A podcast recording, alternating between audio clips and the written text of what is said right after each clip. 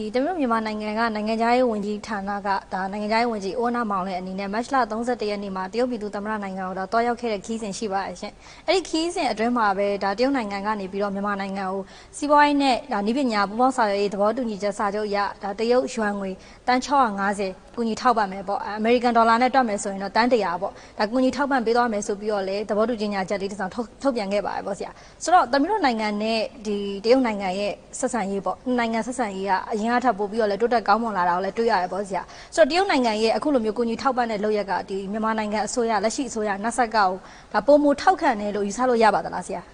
ဆရာအမြင်ကတော့ရတယ်။ဘာကြောင့်လဲဆိုတော့တရုတ်ရဲ့ဟို သူ့ရဲ့နိုင်ငံတကာဆိုင်ရာမူဝါဒကတော်တော်ငြင်းတယ်။ငြင်းတယ်တော်တော်လဲသူကသတိထားဆောက်ကြည့်တယ်။သူ့နိုင်ငံသူ့ရဲ့နိုင်ငံရေးဝါဒက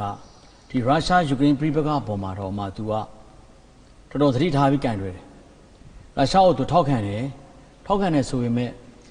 ဒီယူကရိန်းဒေသမှာငြင်းငြင်းရဖို့လဲသူကအပြင်းထန်ရုရှားနဲ့ယူကရိန်းကြားမှာငင်းငင်းရပြီဆိုတဲ့ဟာကိုလည်း तू က ဘယ်ဘက်လက်ကအဲ့ဒါကိုတော်တော်လွှင့်ထူတယ်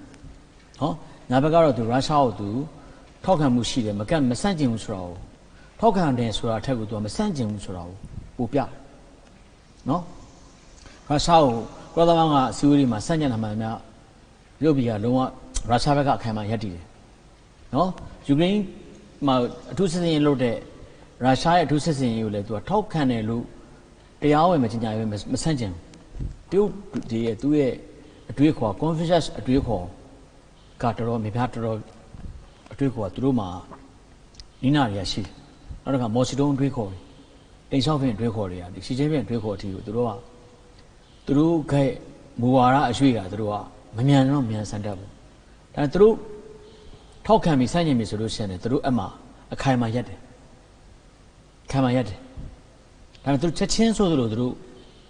ဘယ်အောင်မှချက်ချင်းအရွှေ့ပြောင်း အထိုင်အထမှမြန်ဘူးတယောက်ကနဆာကအိမ်ဆောင်အစိုးရတက်လာတယ်တနေ့ကြော်သွားပြီမယ် तू ကမဆန့်ကျင်ဘူးနီလန်းပေါင်းတွေနဲ့အကူအညီပေးတယ်ကိုဗစ်ဆေးတွေပေးတယ်လူသားချင်းစာနာတွေပေးတယ်နော်ဒါပေမဲ့အပြည့်အဝထောက်ခံပါတယ်ဆိုတဲ့ဟာမျိုးလဲသူတို့အတိအလင်းတော့မကျင်ရသေးဘူးသို့တော့ဒီနိုင်ငံရေးဝန်ကြီးဦးမနာမောင်လွင်ကိုဒါဖိတ်ကြားလိုက်တဲ့ဘွဲကတော့တရုတ်ပြည်ကမြန်မာနိုင်ငံကိုနောက်တစ်ဆင့်ထပ်ပြီးတော့တစ်ဆင့်တက်ပြီးတော့ နာဆာကအိမ်ဆောင်ဆွမ်းမြန်မာတက်မလို့သူတို့ထောက်ခံတယ်ဆိုတာဟုတ်နောက်တစ်ဆင့်တိုးပြီးတော့ခြေလန်းတန်းထပ်တိုးလာတာပေါ့သူတို့တိုးလာတာနော်အဲသူတို့ဒီလိုမျိုးသူတို့ရဲ့ချိကမ်းမှုကတည်ငြိမ်ပြီးတော့နှိကွေးတယ်ဆိုရဲအပေါ်မှာလည်းဆရာတို့ကနားလည်မှုရှိဖို့လိုတယ်ဆိုတာကသူတို့မှာလည်းသူတို့ကြောင်းရှိတယ်ဒါပေမဲ့တစ်ချောင်းလုံးကတော့တုတ်ပြည်သမ္မတနိုင်ငံကြီးနော်ဦးနုလက်ထက်မှာရောဗိုလ်ချုပ်ကြီးနေဝင်လက်ထက်မှာရောဗိုလ်ချုပ်မွေးတန်းရှိလက်ထက်မှာရော သူတို့မြန်မာတပ်မတော်နဲ့မြန်မာတပ်မတော်အစိုးရအဆက်ဆက်ကိုသူတို့အပြည့်အဝထောက်ခံခဲ့တာကြီးပဲတို့တွေဗိုလ်ချုပ်မွေးတန်းရှိလက်ထက်မှာဆိုလို့ရှိရင်သူတို့တနိုင်ငံထဲတော်မှာထောက်ခံခဲ့တယ်လို့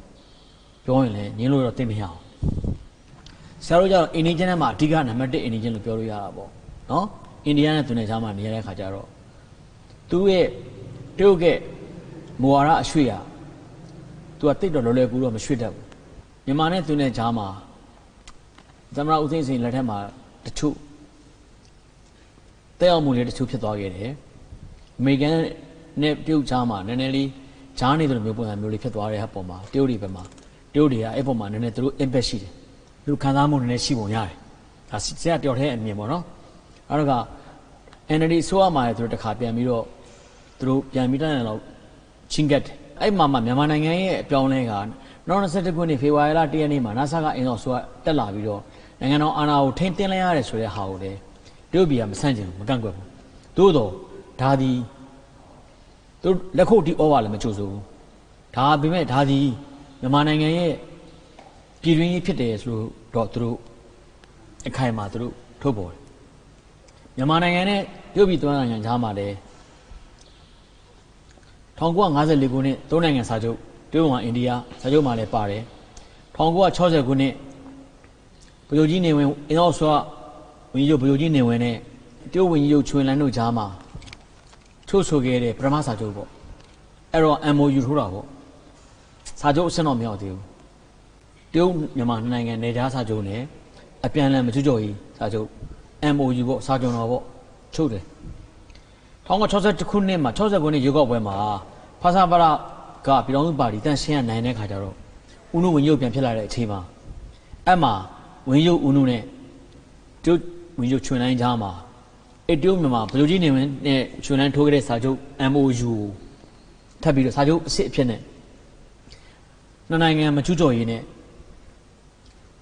နာမည်တတ်မှတ်ရေးစာချုပ်ကိုလက်မှတ်ထိုးလိုက်ကြတယ်။အဲ့မှာဘာလဲဆိုတော့ဘာတွေပါလဲဆိုတော့တနိုင်ငံနဲ့တနိုင်ငံပြည်တွင်းကြီးကိုတနိုင်ငံမဆွတ်ဖက်ရေးဆိုတာအဓိကပဲ။အဲ့ဒါကြောင့်တရုတ်ပြည်ကမြန်မာနိုင်ငံမှာဘလို့နိုင်ငံရေးပြောင်းလဲမှုဖြစ်စဉ်တွေဖြစ်စီဖြစ်စီသူဒီဒါဒီ မြန်မာနိုင်ငံရဲ့ပြည်တွင်းဖြစ်တယ်လို့ပဲသူကခံယူတယ်။ဒါကြောင့် NLD ဆိုတက်လာတဲ့အချိန်မှာပဲဖြစ်စီ NASA ကအင်တော့ဆိုတာဖြစ်စီသူဒီအဲ့အပြောင်းအလဲတွေအားလုံးကိုမြန်မာနိုင်ငံရဲ့ငါဖြစ်ပွားနေတဲ့ပြည်တွင်းရေးလို့ပဲသူခံယူတယ်မြန်မာနိုင်ငံကိစ္စကိုသူမဆွတ်ဖက်ဘူးပေါ့ဟိုတုန်းကမော်စလွန်ခေတ်တုန်းကဘကပတွေကိုအကူကြီးပေးခဲ့တယ်ဆိုတာလေတကယ်တမ်းတရားဝင်ပေးခဲ့တာတော့မဟုတ်ပါဘူးနော်သူတို့ကွန်မြူနစ်ပါတီချင်းထောက်ခံ ဗမာပြည်ကွန်မြူနစ်ပါတီကိုတွတ်ကွန်မြူနစ်ပါတီကနေထောက်ခံခဲ့တဲ့သဘောပဲဒါပေမဲ့တင်ရှော့ဝင်တက်လာပြီးတော့မြန်မာနိုင်ငံကိုလာပြီးတော့လေပတ်တဲ့ခါမှာလူကြီးနေဝင်1980နဲ့အဲ၈ခုနှစ်မှာတင်ရှော့ဝင်လာတယ်ပဲမြန်မာနိုင်ငံကိုအဲဒါကဗိုလ်ချုပ်ကြီးနေဝင်တဲ့တင်ရှော့ဝင်တဲ့တို့သဘောတူညီရဲ့အရာတရုတ်ကွန်မြူနစ်ပါတီကဗမာပြည်ကွန်မြူနစ်ပါတီကိုထောက်ပံ့နေတဲ့စစ်ရေးအကူအညီအားလုံးကိုတရားဝင်ရပ်ဆိုင်မလိုက်ဂရိပေးသွားတယ်။ကြရရပ်ဆိုင်မလိုက်တယ်။ဒါပေမဲ့အဲ့မှာသူက policy နှစ်ခုပေါ့ government to government ပြီးတော့ party to party ဆိုပြီးတော့တရုတ်ကွန်မြူနစ်ပါတီကိုသူကအောက်လန်းရမယ်တီးခြားဆက်သွယ်တော့တယ်။စစ်လက်နဲ့အကူအညီလုံးဝမပေးတော့ရပ်ဆိုင်မလိုက်တယ်။အဲ့တော့ဗိုလ်ချုပ်ကြီးနေဝင်အစိုးရနဲ့တရုတ်ပြည်သူ့သမ္မတနိုင်ငံအစိုးရနဲ့ဆက်ဆံရေးတိုးမြှင့်လိုက်တာပေါ့။1988ဒေရှော့ပင်လက်ထက်ကဆိုင်။ပြောရရင်တော့မော်စီနုလက်ထက်မှာ1968ခုနှစ်မှာတရုတ်မြန်မာရေခင်ဖြစ်ပြီးတော့မော်စီနုလက်ထက်မှာပေါ်လာတဲ့တရုတ်ကွန်မြူနစ်ပါတီကိုကနေဗမာကွန်မြူနစ်ပြည်ကွန်မြူနစ်ပါတီလက်နက်ကင်လှုပ်ရှားမှုကိုမြန်မာနိုင်ငံရှေ့မြောက်ဒေသမှာ ကူညီခဲ့တဲ့ဟာတွေအကုန်လုံးကဒေရှော့ပင်လက်ထက်မှာဗိုလ်ချုပ်ကြီးနေဝင်လက်ထက်မှာပြန်ပြီးတော့တရုတ်မှာချစ်ကြည်ပုံမကောင်းမလာတာပေါ့အခုကတရုတ်ပြည်သူ့သမ္မတနိုင်ငံကမြန်မာနိုင်ငံကိုပေါ့နော်သူကဆရာအထင်ပေါ့နော်အိန္ဒိယနဲ့တရုတ်ပြည်ကြားမှာဓာတ်နိုင်ငံဖြစ်နေမြင်တွေ့လိုချင်တယ်။နှစ်နိုင်ငံကြားမှာသူ့ဘက်မပါလဲရတယ်။တရုတ်ပြည်ဘက်လုံးလုံးကြီးပါကြမလို့တရုတ်နဲ့အိန္ဒိယကြားမှာဓာတ်နိုင်ငံဖြစ်သူကမြင်တွေ့လိုပုံရတယ်။ အများဆန္ဒသဘောတူညီတဲ့၅ချက်နဲ့အာဆီယံဗြိဉ္ဉ်စာတမ်းအပါအတိုင်းမြန်မာနိုင်ငံလိုက်ပါပြီးတော့မြန်မာကိုအာဆီယံအဖွဲ့ဘောင်ထဲမှာငင်းငင်းစွာအတူရှင်းနေထိုင်ရေးကိုတရုတ်ပြည်ကမြင်တွေ့ချင်ပုံရတယ်။နော်။ဒါပေမဲ့တေချာပြောနိုင်တာကတော့အမေရိကန်ဒုံးမြန်နေနောက်အုပ်စုဒုံးမြန်နေမြန်မာနိုင်ငံမှာလာထားတဲ့အစိုးရတရံပေါ်ရတာမျိုးတော့တရုတ်ပြည်ကတော့သူဒါတော့သူလုံးဝလက်ခံနိုင်စရာရှိမှာမဟုတ်ဘူးမြင်နိုင်မြင်ကြမှာမဟုတ်ဘူးအဲ့ဒီအဆင့်မှာတော့ သူတို့တမျိုးဖြစ်ရင်ဖြစ်မှာပေါ့မြန်မာနိုင်ငံမှာလည်းဆရာပြောခဲ့ပြီးသလိုပဲတရုတ်အမေရိကန်ဒုံးမြန်နေနောက်အုပ်စုဒုံးမြန်နေပေါ်ပေါ်လာနိုင်တဲ့ရုပ်သီးအစိုးရဆိုတာပေါ်လာစရာအကြောင်းမြန်မာတမန်ရောမြန်မာရေမီရောမြန်မာရေကန်မြေကန်ရောမြန်မာတွေရဲ့တတ္တိစိတ်သက်အရာကိုဖြစ်နိုင်စရာအကြောင်းမရှိဘူးဆိုတဲ့အတွက်ကြောင့်တို့မှာချစ်ကြည်ရေးဟာခိုင်မြဲဖို့ပဲရှိတယ်။ဝင်းဒီနိုင်ငံရေးဝန်ကြီးဦးဝနမောင်တွေကိုဖိတ်ကြားလိုက်တာကလည်းဒါတစ်ဆင့်တက်သွားတယ်။နောက်တစ်ဆက်အင်ကတော့ဝင်းရုပ် နတ်ဆာကဥက္ကဋ္ဌဗကြုံမူကြီးမင်းအောင်နိုင်တဲ့မြန်မာကိုယ်စားလှယ်အဖွဲ့ကိုတရားဝင်တရုတ်ပြည်ကိုမကြခင်ဖိတ်ခေါ်လိုက်မယ်လို့ဆရာယုံကြည်တယ်။ယူဆထားတယ်။သို့မဟုတ်တရုတ်ပြည်ကအစင်မြင့်အဖွဲ့တစ်ဖွဲ့မြန်မာနိုင်ငံကိုရောက်လာဖို့ရှိတယ်လို့ဆရာမြင်တယ်။ဒါကဘာလဲဆိုတော့ယူကရိန်းပြဿနာအလွန်မှာယူယူကရိန်းပြဿနာဖြစ်လာတဲ့နောက်ပိုင်းမှာတရုတ်လည်းသူ့ရဲ့နိုင်ငံရေးဝါဒ နောက်သူ့ရဲ့အရှိတောင်အာရှအာဆီယံနိုင်ငံဆိုင်ရာမူဝါဒနဲ့တရုတ်ရဲ့အဓိကအနောက်ဘက်အိန္ဒိယဖြစ်တဲ့မဟာဗျူဟာမြောက်ပထဝီနေသားရှိတဲ့မြန်မာနိုင်ငံဆိုင်ရာတရုတ်ပြည်ရဲ့မူဝါဒအပြောင်းလဲဖြစ်သွားတယ်လို့ဆရာယူဆတယ်။အဲ့ဒါဘာလဲဆိုတော့သူတို့ရဲ့အထူးညီလာခံနေ့ရက်ပေါ့။နောက်20နှစ်ခုနှစ်ဇန်နဝါရီလထဲမှာသူကျင်းပသွားတဲ့တရုတ်ပြည်ပဲအရေးကြီးဆုံးအထူးညီလာခံနှစ်ရက်ပေါ့နိုင်ငံတော်ဆိုင်ရာအဲ့ညီလာခံနှစ်ရက်ကသူတို့9နှစ်တစ်ချိန်ကျင်းပတယ်အဲ့ညီလာခံနှစ်ရက်ကနေပြီးတော့သူတို့ကသူတို့ရဲ့ ဥရောပဆိုင်ရာမူဝါဒအာဆီယံဆိုင်ရာမူဝါဒအမေရိကန်ဆိုင်ရာမူဝါဒအာဖရိကမူဝါဒတောင်အမေရိကဆိုင်ရာမူဝါဒသူတို့ရဲ့မြန်မာနိုင်ငံဆိုင်ရာမူဝါဒပေါ့အဲ့မှာသူတို့နည်းနည်းလေး adjustable လုပ်တယ်လို့ယူဆတယ်သူမြန်မာနိုင်ငံနဲ့ NASA ကအင်အောင်ဆိုတော့ပုံမထောက်ခံမှုနော်မြန်မာတပ်မတော်နဲ့ဒီမြန်မာနိုင်ငံအစိုးရကိုသူသူတို့တကယ်လက်တွေ့အခြေအနေကိုကြည့်ပြီးတော့ပဲမြန်မာနိုင်ငံကိုပုံမကူညီပြီးတော့ပုံမရိုင်းပေးမယ်ပုံမဆက်ဆံမယ်စီးပွားရေးနဲ့ရင်းချင်းမှုနဲ့ဒီကုန်သွယ်မှု ပုံမပြီးကူညီမှုတိုးမြင့်မယ်လို့သူဆွန့်ဖြတ်တတ်တယ်လို့ဆရာယူဆတယ်အင်ဂျင်နီယာနှစ်ယောက်ကနေပြီးတော့အဲ့ဒါကြောင့်လည်းပဲသူကဝင်းကြီးဦးနမောင်လင်းကိုဖိတ်ခေါ်ပြီးတော့အမေရိကန်ဒေါ်လာတန်း100နဲ့ညီမျှတဲ့ယွမ်တရုတ်ယွမ်တန်း650ကိုသူကဒါကူညီတာပေါ့နော်စီဝါရေးနဲ့မိပညာရေးအတွက်ကိုကူညီလိုက်တာလို့ဆရာမြင်တယ်ဘာလို့လဲဆိုတော့တရုတ်ကစေကူပေါ့ရင်စေကူပေါ့ထားလို့တယ်မှာမပါဘူးနော်ဒီမနေ့ ကြာမှစဉ်းစားမိပြီးတော့ညနေမှာထပြီးတော့ကောင်းတဲ့ဖော်တာမျိုးပြဿနာတစ်ရက်ကိုတပတ်10ရက်တစ်လားနဲ့ဇွန်ပြတာမရှိဘူးတရုတ်ရဲ့အရွှေ့ပြောင်းအထိုင်ထားကိုကြည့်ရတာအဲ့တော့သူတို့ NASA ကအင်အောင်ဆိုရကိုသူတို့ထောက်ခံထားတယ်မဆန့်ကျင်ဘူးကိုညီတယ်တနစ်ကြော်လာတဲ့ခါမှာသူတို့ဒီဟာပုံမထောက်ခံမှုလိုအပ်တယ်ဆိုပြီးတော့သူတို့မူဝါဒချလိုက်ပြီလို့ဆရာယူဆတယ်သူတို့ဘယ်တော့မှသူတို့မူဝါဒတွေကကောင်းအောင်ငံလုံးလေးကိုလာမရှိဘူးအဲ့ချမှတ်ပြီးတဲ့မူဝါဒတွေအကုန်လုံးလည်းသူတို့ဒီ တကယ်ကိုလိုက်ပါဆောင်ရွက်တယ်ဒါကိုတရုတ်ကိုတရုတ်ရဲ့အဲ့ဒီအနေထားကိုဆရာတို့ဘက်ကနားလည်ထားဖို့လိုတယ်တရုတ်ပြည်အကြောင်းကိုနားလည်တော့ပြောလို့ရှရင် तू ကအမေရိကန်စီကနေ1.1 trillion တော့ဝယ်ထားတယ် bond ပြီးတော့အမေရိကန်ဒေါ်လာ4 trillion ကိုသူက catch ငွေသားသိမ်းထားတယ်တေချော့ဖိတ်နောက်ပိုင်းရစပြီဝန်ကြားပေါင်းတို့ဘာလို့ညာတို့ဒီရှီချင်းမတိုင်ခင်တည်းကအမေရိကန်ဒေါ်လာ4 trillion ကိုငွေသားဖြစ်နေသိမ်းထားတယ်အကျွေးကို1.1 trillion ဝယ်ထားပေးတယ်နောက်ရွှေတန်ချိန် 6000နေပါတော့တရုတ်ဆိုရဒီမှာ reserve ရှိတယ်ကမ္ဘာပေါ်မှာစရုပ်ထအများဆုံးရွှေပိုင်ဆိုင်မှုပဲသူကကုန်ပြင်းစင်းတယ်နောက်ကမ္ဘာဘဏ်အမေရိကန်ထိန်းချုပ်တဲ့ World Bank အမေရိကန်ထိန်းချုပ်တဲ့ MMF နိုင်ငံတကာငွေကြေးရန်ပုံငွေအဖွဲ့အဲ့ဒါတွေကိုသူကရှင်ပြိုင်မှုအတွက်ကိုတရုတ်ကနေ AIIB ဘဏ်ဆိုတာထောင်းတယ်အာရှဖွံ့ဖြိုးမှုဘဏ်ဆိုတာ AIIB ဆိုတာအဲ့တကယ်တော့ငွေပမာဏကတရုတ်ဥဆောင်တဲ့တရုတ်ဖွဲ့ထားတဲ့ AIIB အာရှဘဏ်ရဲ့ငွေပမာဏကကမ္ဘာဘဏ်နဲ့ပိုများသွားပြီအဲ့တော့မီဒီယာတွေမှာဖုံးကွယ်ထားလို့တော်များတရားကိုတက်ကြည့်လို့မရတာအဲ့လိုဖြစ်သွားပြီပြောစိတ်တွေပြားရလို့ပဲရေကြီးလိုက်ရင်စားဖို့သူလှုပ်ထားတာအဲ့တော့သူတို့ဒီအတော်တော်လေးကိုကြိုပင်လေးပြန်သားရှိတယ်သူတို့ဒီကမ္ဘာနံပါတ်1ဖြစ်ချင်တယ်သူတို့အိမ်မက်ကသူတို့အဓိကစန့်ကျင်ပြီးတော့သူတို့တွန်းတွန်းချမဲ့နံပါတ်1ဖြစ်ဖို့မရအောင်တွန်းချမဲ့လူကလည်းအမေရိကန်ဆိုတာသူတို့သိတယ်အဲ့တော့ကြောင့်သူတို့ကအမေရိကန်ကို သူတို့ရဲ့အနာဂတ်ရန်သူအနာဂတ်ပြိုင်မဲ့ဆိုတာသိထားပြီမယ်လေ तू ကတတ်နိုင်ရင်ဒီ तू ကဂုံတိတ်ကရှိရှိနဲ့အမေရိကန်ကိုလိုက်ပြိုင်တယ်အဲ့တော့ तू ကဘာပြောလဲဆိုတော့စီးအေးတိုက်ပွဲကာလအတွေးခေါ်တွေကို နေတိုးစစ်အုပ်စုထော်တယ်ဆိုတာနဲ့နေတိုးကနေပြီးတော့ရန်စနေရတွေကစစ်အေးကာလာတိုက်ပွဲရဲ့လက်ကျန်အဟောင်းအကျွင်းကြံတွေဖြစ်တယ်ဆိုပြီးတော့သူကဝေဖန်တဲ့ဟာတော်တော်ထိသွားတယ်အမေရိကန်တော်တော်အမေရိကန်တော်တော်ထိခိုက်မှုတွေတော်တော်ရှိတယ်အဲ့လိုဖြစ်သွားတယ်နောက်တစ်ချက်ကမြန်မာနိုင်ငံနဲ့ပတ်သက်လို့ ပထဝီနေထားအရသူဘလောက်အရေးကြီးတယ်ဆိုတာကိုအသိဆုံးကတရုတ်ပြည်ပဲမြန်မာနိုင်ငံရဲ့ပြည်ရင်းကိုလည်းဆွတ်ဖက်လို့မရဘူးဒါပေမဲ့မြန်မာနိုင်ငံတည်ငြိမ်မှုနိုင်ငံရေးအရတည်ငြိမ်မှု stability ဖြစ်ဖို့မြန်မာနိုင်ငံငြိမ်းချမ်းမှုလိုလားတဲ့နိုင်ငံထဲမှာသူပါတယ်မြန်မာနိုင်ငံထဲမှာနောက်အုပ်စုကလာပြီးမိစားတွေချပြီးတော့စီးရီးယားတော့ဖျောက်အောင်လုပ်နေတာကလည်းသူ့နိုင်ငံတရုတ်ပြည်နိုင်ငံတရုတ်ကိုလာပြီးထိခိုက်ပြီးထိခိုက်ဖို့လုပ်တဲ့အကွက်တွေဆိုတာတရုတ်ကနားလေတယ်အဲ့တော့မြန်မာနိုင်ငံကိုတော့ နောက်အုပ်စုနဲ့အမေရိကန်အပါအဝင်ချွတ်ချော်မှုအကုန်လုံးကတော့တရုတ်နိုင်ငံကမြန်မာနိုင်ငံဆိုင်ရာမူဝါဒတစ်ခုတည်းနဲ့နေဘယ်လိုမှထိလို့မရအောင်ဆရာတို့ကမြန်မာတက်မလို့ဆိုအခမ်းအနားရှိတဲ့ institution နော်ဆရာတို့မှာဆရာတို့နိုင်ငံကာဝနယ်ဆန်းရှိတယ်အပြင်ကိုဆရာတို့မှာအိန္ဒိယချင်းဆွေးနွေးပေါက်ပေါ်တရုတ်ပြည်သမ္မတနိုင်ငံဆိုတာလေအခိုင်မှာရှိနေတယ်သူဒါပေမဲ့တရုတ်ရဲ့တရုတ်ရဲ့ထောက်ခံမှုကသူကပွင့်လင်းမြင်သာအောင်တော့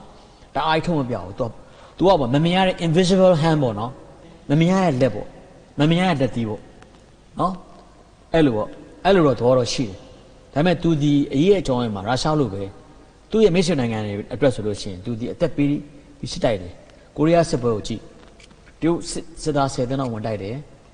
သူ3တန်းလောက်ကြာဆုံးတယ်မော်ရှိတုံးသားအရင်အောင်ပါသွားတယ်ဒါသူသူ့နိုင်ငံအိန္ဒိယညီကိုတော်နိုင်ငံတနိုင်ငံကိုအမေရိကန်ကုလသမဂ္ဂအလံကိုင်းတွေဝင်လာတာကိုတရုတ်ကလုံးဝသီးမခံဘူးသူအနာခံပြီးသင်ခံပြီးတိုက်သွားတယ် အဲတုန်းကတရုတ်ရဲ့လက်နက်က drop it drop ချင်းပြတဲ့နက်တွေအစစ်မရှိတယ်လူရကဘာစစ်လက်ကျန်အဟောင်းနေဒီလိုမောင်းပြတဲ့တိုက်သွားတာလူအနာခံပြီးတိုက်သွားတင်ကားကောင်းအောင်တော့မရှိဘူးလင်မြန်ကောင်းအောင်တော့မရှိဘူးအဆင့်တော်မှာကိုရီးယားမှာအမေရိကန်လန်သွားတာပဲဆိုတော့ဒီနေ့တရုတ်ပြည်ရဲ့စီးအင်အားကဘာတစ်နှစ်သုံးဖြစ်နေပြီညစ်လို့ပြောရင်လည်းရတယ်သုံးလို့လည်းပြောလို့ရတယ်ဆရာတို့မသိနိုင်တဲ့ဟာတွေအများကြီးရှိတယ်ဆိုတော့ဒီဥမနာမောင်လင်ကိုသွားတဲ့ခီးစဉ်မှာမြန်မာနိုင်ငံကိုယွန်တန်း တန်ပေါင်း650ကိုညီလိုက်တာဟာတို့မှချစ်ကြည်ဆွေးဘောပေါ်ချစ်ကြည်ကိုတစ်စင်းမြင်လိုက်တယ်လို့မြင်တယ်ဒါဟာနာဆာကအင်အောင်ဆိုရတဲ့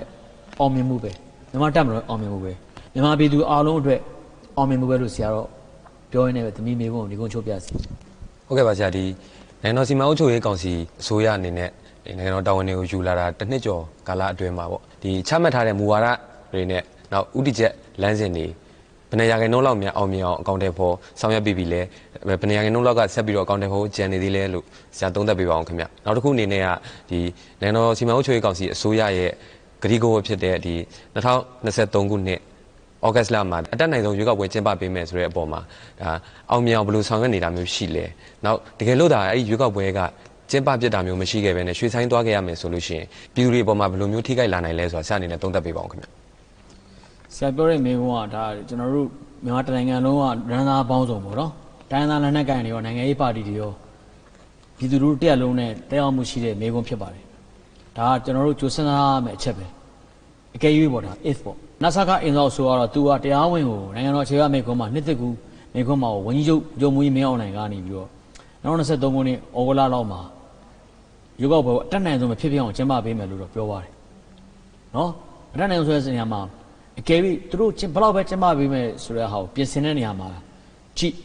ဘာတွေပြင်ဆင်လဲဆိုတော့ဒီ UEC ကနေပြီးတော့နိုင်ငံရေးပါတီတွေကိုသုံးချိန်လေးချိန်ပြည့်စုံပြီးတော့မှသူတို့မြန်မာနိုင်ငံမှာကျန်းသုံးတဲ့ PR design နဲ့ model ကိုဆွေးနွေးညှိနှိုင်းတဲ့အခါမှာနောက်ဆုံးရသွားပြီအာလောဆယ်မှာ closed PR ပေါ့အဲ့ဒါနဲ့ရုပ်ောက်ပွဲကိုလုပ်မယ်အခန်းနေပြန်ဖွဲ့စည်းတယ်သူကအဲ့တော့ခန်းနေပြန်ဖွဲ့စည်းလို့ရုပ်ောက်ပွဲပြင်ဆင်တယ်နောက်လူမှုကြီးရဲ့ဝန်ကြီးဌာနကလည်း ဝန်ကြီးဥခင်ကြီးတို့ဥဆောင်ပြီးကိုယ်တိုင်ဥဆောင်ပြီးတော့မြေပြင်ကိုကွင်းဆင်းပြီးတော့ဘဏ်ငယ်စီမံချက်နဲ့နိုင်ငံသား16နှစ်ပြည့်ပြီးသားနိုင်ငံသားတွေအကုန်လုံးမဲပေးနိုင်မှုအတွက်ကိုမှတ်ပေါ်နေနေဘူးအမြန်ဆုံးရအောင်ထုတ်ပေးနေတယ်နော်မဲဆင်းနေမှန်ကန်မှုအတွက်လုပ်နေတဲ့ဟာတွေကဒါရုပ်ောက်ပွဲကိုသွားနေတဲ့လမ်းပေါ်မှာနာဆာကအင်းရောက်ဆိုတော့အရှင်ဟွန်နဲ့ကိုစီးစင်းတယ်လို့ပြောလို့ရတယ်သို့တော့ဒါအောင်မလိုလားတာပါလဲဆိုတော့ PDF တွေ NLD ဆွမ်းဟုတ်တွေနော်အနောက်အုပ်စုနယ်ချဲ့တယ်နော် နောက်အနောက်အုပ်ချောင်းနိုင်ရေးတွေနောက်တစ်ခါဗာလဲဆိုတော့ EU တိုင်းရင်းသားနယ်နဲ့ကင်တဲ့ကတချို့တော့ဘဟိုကထိချုံလုကင်းနေတဲ့တိုင်းရင်းသားနယ်နဲ့ကင်ခေါင်းဆောင်တချို့နဲ့နော်ထိုင်းမြန်မာနယ်စပ်မှာရှိနေတဲ့နောက်နိုင်ငံစစ်သားဟောင်းတွေပါဝင်တဲ့ကြီးစားတွေပေါ့အဲ့ဒါတွေကတော့မြန်မာနိုင်ငံမှာစစ်ပွဲတွေကျေပြန့်လာအောင်သူတို့တို့မီရှုံမီလုံးနေဓာတ်စီလောင်းနေတယ်ရုပ်ကဝယ်ပြက်အောင်ပေါ့သူဘာတွေလုပ်ရနိုင်လဲဆိုလို့ရှိရင်ကျွန်တော်ယူဆတာတော့ရွေးကောက်ပွဲနီးလာတဲ့အခါမှာရွေးကောက်ပွဲကိုနတ်ဆာကအစိုးရက နောက်23ခုနှစ်မတ်လလောက်မှာကြီးညာရမှာရွေးကောက်ပွဲကျင်းပမဲ့ရက်ကဩဂုတ်လဆိုတော့ဩဂုတ်လမတိုင်ခင်6လအလိုဖြစ်တဲ့ဖေဖော်ဝါရီလနဲ့မတ်လလောက်မှာရွေးကောက်ပွဲတော့ဘယ်နေ့မှကျင်းပမလဲဆိုတော့ကြီးညာပေးရမှာသူ့ရဲ့တိုင်းတွေပဲဇရာကသွားရမယ်ဆိုလို့ရှိရင်ဘယ်နေ့ဩဂုတ်လဘယ်နေ့ရက်နေ့သုံးနေ့မို့မိုးမကုန်နေလို့ရှိလို့မိုးကုန်သွားမှာဆိုလို့ရှိရင်နောက်ရာသီဥတုကြောင့်စက်တင်ဘာအောက်တိုဘာမှာဆိုတဲ့ဟာမျိုးကြီးညာပေးရမယ်ဒါသွားမယ်လမ်းစဉ်ဒီကောက်ပဲဘယ်နည်းကျင်းပမှာလဲဆိုတာဟို စောက်နေတာအဲ့ဒီအကျန်းဖက်သမားတွေနဲ့အဲ့ဒီပြည်ပြေးတွေရုပ်သေးတွေကစောက်နေရောပဲကျင်ညာပေးလိုက်ပြီကျင်ညာလိုက်တန်တဲ့တပင်နဲ့လောက်အောင်တော့မယ်ဆိုတာဖြစ်သွားတဲ့ခါကျတော့အဲ့မှာမဖြစ်ဖြစ်အောင်ဖြတ်မှန်ဟာတွေသူတို့ပေါ်လာလိုက်မယ်အာနိုးဘုတ်မဲမပေးချနဲ့ဆိုတာဖြစ်မယ်မဲပေးရင်တတ်မယ်အသက်ကိုတန်ဖိုးမထားကြလို့ရှင်မဲသွားပေးမဲပြားနဲ့အသက်နဲ့ဘာကျွေးမလဲဒါမျိုးတွေချိန်ချောင်းမယ်တင်းတင်းနဲ့မဲတပြားနဲ့ဘယ်ဟာကိုဘယ်ဟာကိုယူမလဲဒါစာရီလိုက်ကတ်မယ် ပြစ်တက်ပြမယ်ဒါဖြစ်လာနိုင်တယ်မဲုံဆောက်တဲ့လူတွေဆရာဆရာမတွေအော်အဲ့လိုဟာမျိုးနောက်ဆက်တွေဖြစ်လာနိုင်တာဇာတ်တယ်မြင်ထားတယ်အဲ့လိုခက်ခဲတွေဂျာရီရတယ်နာဆာကအင်တော့ဆိုရတယ်လုံုံကြီးတပ်ဖွဲ့တွေနဲ့အင်အားကိုအာပြပြည်သူစစ်တွေနဲ့ယူကောက်ဘဲကိုအနည်းဆုံးတော့တနိုင်ငံလုံးရဲ့80ရာခိုင်နှုန်းသို့မဟုတ်90ရာခိုင်နှုန်းမှာကျင်းပပေးနိုင်အောင်တော့ကြိုးစားမယ်လို့ခြေလန်းလှမ်းနေပုံရတယ်ပြောရင်းနဲ့ပဲဆရာရဲ့မိကုန်းကိုကျွန်တော်ဒီကုန်းချိုးချင်ပါတယ်